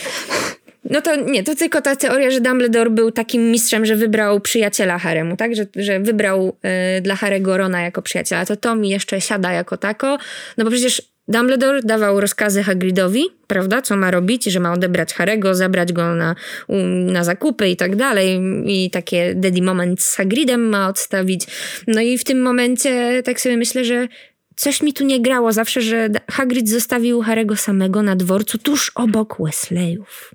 Mm, dum, dum, dum, dum. A przecież Dumbledore to mózg. Być może ma zmieniać czasu i i podróżuje w czasie, prawda? I zmienia i wszystko ustawia jak pionki, bo jest panem śmierci. W ogóle pff, mózg leży. Mózg leży. Nasze mózgi parują. Ale to, to o czym teraz rozmawiamy, tak naprawdę dowodzi mm, tej konkluzji, która już tutaj padała wiele razy i pewnie jeszcze się pojawi, że uniwersum Harry'ego Pottera jest ogromne. Jest ogromne w tej skali, którą, y, którą znamy dzisiaj, i ono było też bardzo duże na samym początku, kiedy jeszcze przed fanami odkrywa, odkrywać się miały te kolejne karty. I pokazuje to, jak bardzo to uniwersum jest płodne i jak bardzo płodni są ludzie, którzy mm, w tym świecie magii bardzo dobrze się odnajdują. I jakby w ogóle ta potrzeba fana do tego, żeby poszerzać to znane uniwersum, dostrzeganie tych wszystkich niejasności, dostrzeganie tych wszystkich smaczków, to, to jest coś niesamowitego i to nie jest domeną tylko tego jednego uniwersum, to powiedzmy sobie jasno, bo fanfiction to jest, y, to jest dziedzina stara jak świat i w zasadzie od początków w ogóle istnienia y, dzieł kultury i, i, i dużych utworów gdzieś tam pojawiały się takie zakosy, zakusy, przepraszam, fanów do tego, żeby to uniwersum poszerzać na własną rękę. Natomiast też wydaje mi się, że uniwersum Harry'ego Pottera o tyle jest fajne, mówiąc brzydko, do tego, żeby je poszerzać, to jest właśnie to, że bazuje na takich bardzo młodzieńczych aspektach życia, które każdy z nas pamięta i przerabia przez jakby własne doświadczenia. I Jest też bardzo proste i ma dużo niedopowiedzeń, które sprawiają, że może się rozszerzać dalej jak czarna tak, ono dziura jest, dzięki ono, jest, ono jest ogromne i skomplikowane, a jednocześnie proste. Jakby to są takie, to jest trochę taki paradoks uniwersum, które mm, rządzi się bardzo wieloma prawami, bo przecież y, Rowling stworzyła bardzo wiele zależności i wpuściła swoich bohaterów w bardzo wiele malin, stworzyła bardzo wiele lokacji, które były tak ochoczo później odtwarzane, czy to w grach, czy to w filmach i miały ogromne znaczenie dla fabuły, chociażby Ministerstwo Magii, chociażby jakieś inne uniwersytety, których, uwaga, podobno jest 11 na całym świecie, bo jedno jest jeszcze w Stanach Zjednoczonych, w Japonii i tak dalej, i tak dalej, o czym też dowiedzieliśmy się od y, autorki po latach. Jakby totalnie nie dziwi mnie jakby to, że każdy fan czuł trochę niedosyt po przeczytaniu, po, po poznaniu całej, całej serii i na własną rękę spróbował y, te wszystkie luki załatać. Ten niedosyt jest też czymś, co konstytuuje fana samego w sobie i to nie jest mój wniosek, to jest wniosek Aldony Kobus. Spoiler alert. Spoiler alert, Aldona, pozdrawiamy. E, I to jest właśnie jeden z jej wniosków, który okazał się dla mnie zarazem bardzo prosty zarazem bardzo odkrywczy, jak to zwykle bywa, że rzeczywiście to takie dążenie fanów do zapełnienia tych luk i ta ciągła dążność jest tym, co konstytuuje fana, a nie właśnie domknięcie całkowite, bo to, to uniwersum się zawsze będzie rozrastać i to jest taka niekończąca się, e, taki niekończący się proces. Jednocześnie to, co innego zrobiła Rowling niż współcześni jej inni autorzy, to fakt, że skorzystała z rozwoju technologii internetu. Uruchomiła stronę Pottermore, no ale znowu, to może też w tym tkwi trochę niechęć fanów do niej, bo zechciała zawłaszczyć to, co jest znowu domeną fanów.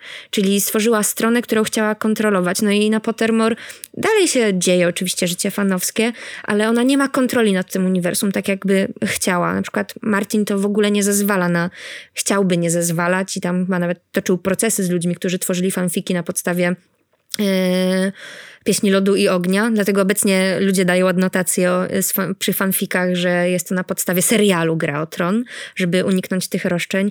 No i właśnie Rowling też miała takie zapędy do ograniczania, do kontrolowania, może nie ograniczenia, ale kontrolowania tego, co fani tworzą, ale jedną z odpowiedzi na pytanie, dlaczego to uniwersum tak właśnie działa, siada, rozwija się, jest też fakt, że ono trafiło w dobry moment. Ten moment właśnie przemian, e, gdzie mogło jednocześnie zaistnieć w internecie, na forach, mogło powstać to Pottermore i dzięki internetowi saga, seria o Potterze mogła stać się taką globalną historią, marką, franczyzą i wszystkim naraz. Kiedyś też mnie spytał, czy gdyby dzisiaj Rowling napisała Pottera, a nie na przełomie milenium, to czy on miałby taką siłę oddziaływania. I Odpowiedź na to pytanie była bardzo trudna, ale zarazem chwilę później to tak pomyślałam. No to też. to zależy, ale ten rozwój mediów wydaje mi się tutaj bardzo, bardzo kluczowy, bo dzisiaj jesteśmy na etapie, gdy tych historii jest też bardzo dużo, gdy jest mm, dużo uniwersów, oczywiście są te wielkie globalne, tak, wiedźmińskie, mm, poterowe, tolkienowskie. Marvelowe. Można Marvelowe. I można tak wymieniać, wymieniać, ale rzeczywiście to są takie giganty gigantów i oni oczywiście korzystają z tych wszystkich narzędzi medialnych do rozszerzania, o, tworzą taką transmedialną opowieść, jak najbardziej. Natomiast Rowling się wstrzeliła w ten jeden moment, bo Tolkien powstał zanim mieliśmy tę rewolucję internetową, ale Dzięki niej oczywiście fani dalej działają. Mamy też takie wydarzenia jak Talk Folk na Dolnym Śląsku, gdzie fani Pottera zbierają się na kempingu, takim konwencie kempingowym pod namiotami i wspólnie tą fantastykę przeżywają. Szczerze wam polecam e, takie sowigórskie śródziemie nasze polskie, żeby zwiedzić w przyszłym roku, bo w tym no niestety Czyli nie trzeba nie lecieć jak. na Islandię, proszę państwa. Nie trzeba, nie trzeba. W każdym razie ewidentnie Rowling się też wstrzeliła i być może to, że miała trudności na początku z wydaniem tej książki, dobrze jej zrobiło. No i nie ukrywajmy, założenie strony Pottermore było bardzo dobrym ruchem też z jej strony. I napędzanie tej marki, stawanie w tych kolejkach, napędzanie tych kolejek, to wszystko było świetnymi ruchami, ale nie powiedziałabym, że tylko marketing tu zrobił robotę, bo po prostu ta opowieść, ten świat sam się siadł, broni. Rozrósł się też dzięki temu, że miał do dyspozycji te globalne narzędzia. To piękne. I chciałabym jeszcze na koniec zapytać się ciebie o taką rzecz. Czy twoi znajomi w ogóle mm, chcą z tobą grać w jakieś gry wiedzowe na temat Harry'ego Pottera? Ktoś podejmuje taką rękawicę? Tak. Ja mam fanów y, wśród moich znajomych, wśród moich przyjaciół. Y, są o wiele więksi fani Pottera niż ja. I mówiąc to mam na myśli... Y, to zaangażowanie w zdobywanie wiedzy na temat świata i pogłębianie jej w tym sensie takim encyklopedycznej wiedzy o danym świecie. Czyli takie researcherskie podejście. Tak, takie też siedzenie w tym. Ja może kiedyś bardziej w tym siedziałam, no bo to też jest znaczące, że w niektórych fandomach siedzimy w danym czasie mocniej, trochę mniej, zależnie też od czasu i zaangażowania i sił, jakie na to mamy. Natomiast rzeczywiście wśród moich znajomych są ultrasi. Ale mówię to z szerokim, ogromnym uśmiechem. I tutaj pozdrawiam przede wszystkim Agę i Anię. E, dlatego, że Kto wie, są, ten wie. Kto wie, ten wie. To są dwie osoby, które niejednokrotnie w trakcie moich też badań, jak słuchają o moim projekcie, to niezwykle mi pomagają swoimi też uwagami, bo są niezwykle wnikliwe w tym świecie i też dużo wniósł on do ich życia. I też był dla nich doświadczeniem pokoleniowym, tak jak dla mnie czy dla ciebie. No, to są, to są piękne doświadczenia. W ogóle dzielenie się tymi doświadczeniami z ludźmi, którzy kompletnie z tym światem o dziwo o dziwo nie mieli, nie mieli doświadczenia, jest super. Ja mm, pamiętam niedawno była taka sytuacja, gdzie e, na pewnej platformie streamingowej z czerwonym logo pojawiły się wszystkie serie. Netflix. pojawiły się wszystkie, pojawiły się wszystkie filmy. No i jakby pierwszą rzeczą, którą ja zrobiłam, było oczywiście usadowienie się wygodnie na kanapie z kakałkiem i y, gorące postanowienie, że ja sobie zrobię maraton, który potem oczywiście okazało się, że muszę sobie rozbić, ale to nie ma większego znaczenia. No i y, okazało się, że mój mąż, oprócz tego, że nigdy w życiu nie przeczytał żadnej książki y, z serii Harry'ego Pottera, Shame. Shame. Y, wrócę dziś do domu, to się policzymy. Ale też nie oglądał za bardzo filmów. Może pierwszą, może drugą część, jak był, jak był młodszy, to z ciekawości obejrzał, ale go nie wciągnęło, o dziwo. No i zaprosiłam go do tego wspólnego seansu i mimo wielu, wielu deklaracji, że kompletnie go to nie interesuje, że to w ogóle nie jest jego świat, że jeżeli magia, to w dużo bardziej poważnym wydaniu, to oglądał to, no nie mogę powiedzieć, że z wielką ochotą, bo to by było pewnego rodzaju nadużycie, natomiast ilość pytań, jakie do mnie miał i jak bardzo chciał poszerzyć tę swoją wiedzę w trakcie, a pytał naprawdę o bardzo szczegółowe rzeczy, oczywiście w międzyczasie wytykając też błędy realizatorskie, jeśli chodzi o film, ale to już jest zboczenie zawodowe to ja byłam pod wielkim wrażeniem tego, jak dorosła osoba, która kompletnie nie miała styczności z tym światem wcześniej, jak wiele chce się dowiedzieć na ten temat i jak długo później po, po każdym seansie, po obejrzeniu każdej części rozmawialiśmy o motywach postępowania danej postaci, o tym, jak ona została zbudowana, jakie miała cechy. Mm, rozmawialiśmy też o rozwiązaniach y, dotyczących logiki magii, bo jak wiadomo, ta magia w różnych utworach, w różnych dziełach wygląda, wygląda inaczej. No mój mąż czekał na jakiegoś firebola. Wiadomo, tutaj... Nie miał tego w momencie, gdy posągi ożyły, by bronić Hogwartu? No stwierdził, że, że to fajne, ale że gdzieś już to widział. No właśnie, bo to kiedyś najpierw było tam w filmie, a potem to było gdzie indziej. No, znaczy tak, no te, te, te, motywy wiadomo, one się przeplatają, a ta magia też y, jest bardzo eksplorowanym tematem, zarówno w grach wideo, jak i, jak i w filmach i mamy swoje oczekiwania. Natomiast to co, w tym, to, co w tym wszystkim jest najważniejsze, to to, że udało mi się go, mam nadzieję, przekonać do tego, że to jest fajne, i że to jest miłe i że to nie jest dziwne, że jego dorosła żona jeździ na te wszystkie konwenty. Na larpie jeszcze mnie nie było, ale wszystko przede mną. I że to uniwersum może być fajne dla ludzi w każdym wieku i może być ciekawe i warto do niego czasami zajrzeć i, i, i poszukać tych wartości, które są dość uniwersalne i o których, tak jak rozmawiałyśmy, czasami są niedopowiedziane i trochę brakuje mogłyby być pociągnięte trochę dalej, z czegoś można byłoby zrezygnować. Natomiast nadal mówimy o takiej historii, którą każdy z nas może przefiltrować przez własne doświadczenia i bardzo dużo z tego wyciągnąć i chcieć zostać na dłużej. I właśnie pojechać na jakiegoś larpa, napisać jakiegoś fanfika, przeczytać jakieś, fanfi jakieś fanfiction, zagrać w Quidditcha. To jest niesamowite, jak wiele narzędzi fani Harry'ego Pottera i w ogóle każdego uniwersum wymyślili na własne potrzeby.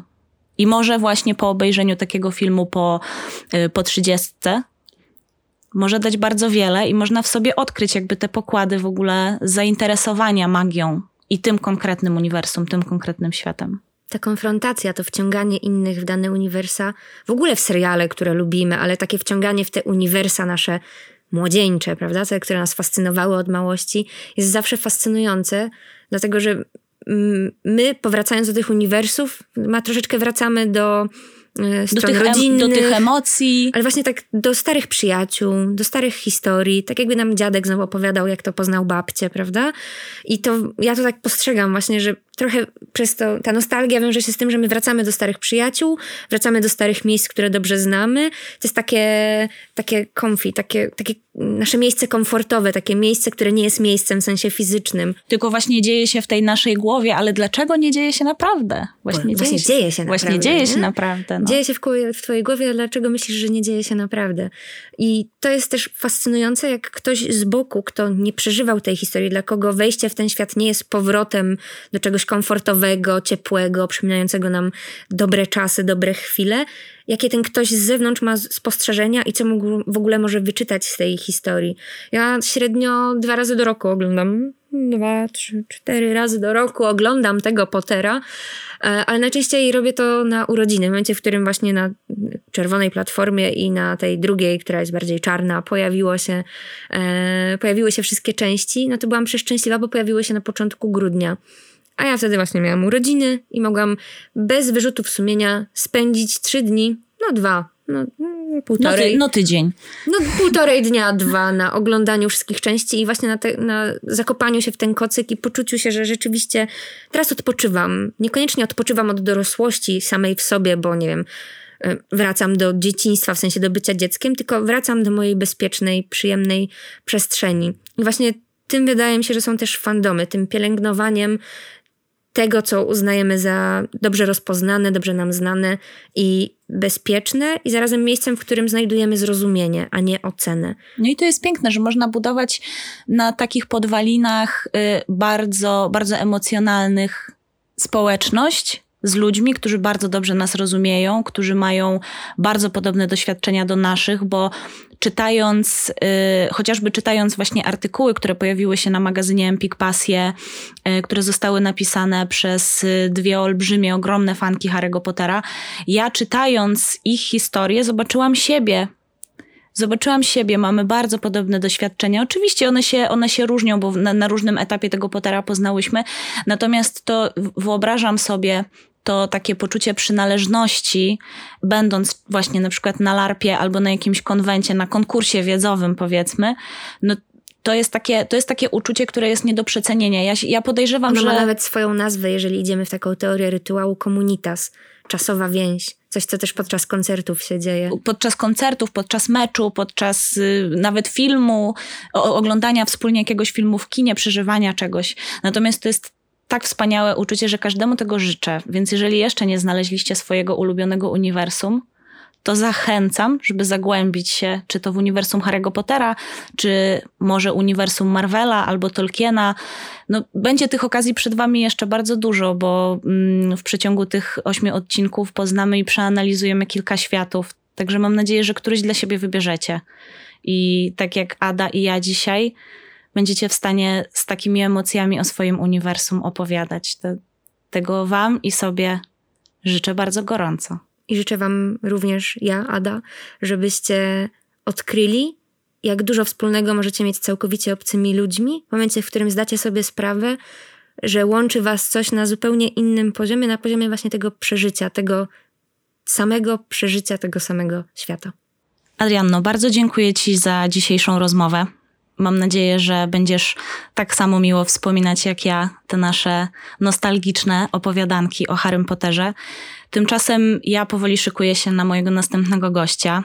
W następnym odcinku klimat będzie już trochę bardziej mroczny i na pewno trochę bardziej słowiański, ponieważ odwiedzimy sobie uniwersum stworzone przez Andrzeja Sapkowskiego, także szykujcie swoje dwa miecze, srebrny i stalowy, przywdziejcie swoje wiedźmińskie medaliony i rzućcie jakiś dobry znak. Tę fandomówkę kończymy z przytupem i zapraszamy na kolejną już niedługo. Do zobaczenia, do usłyszenia. Cześć. Pa, pa. Earborn Media. Dziękujemy za wysłuchanie podcastu Empik Go. Więcej odcinków tej serii, inne podcasty oraz tysiące audiobooków znajdziesz w aplikacji Empik Go. Pobierz aplikację i zarejestruj się już teraz. Masz 7 dni za darmo.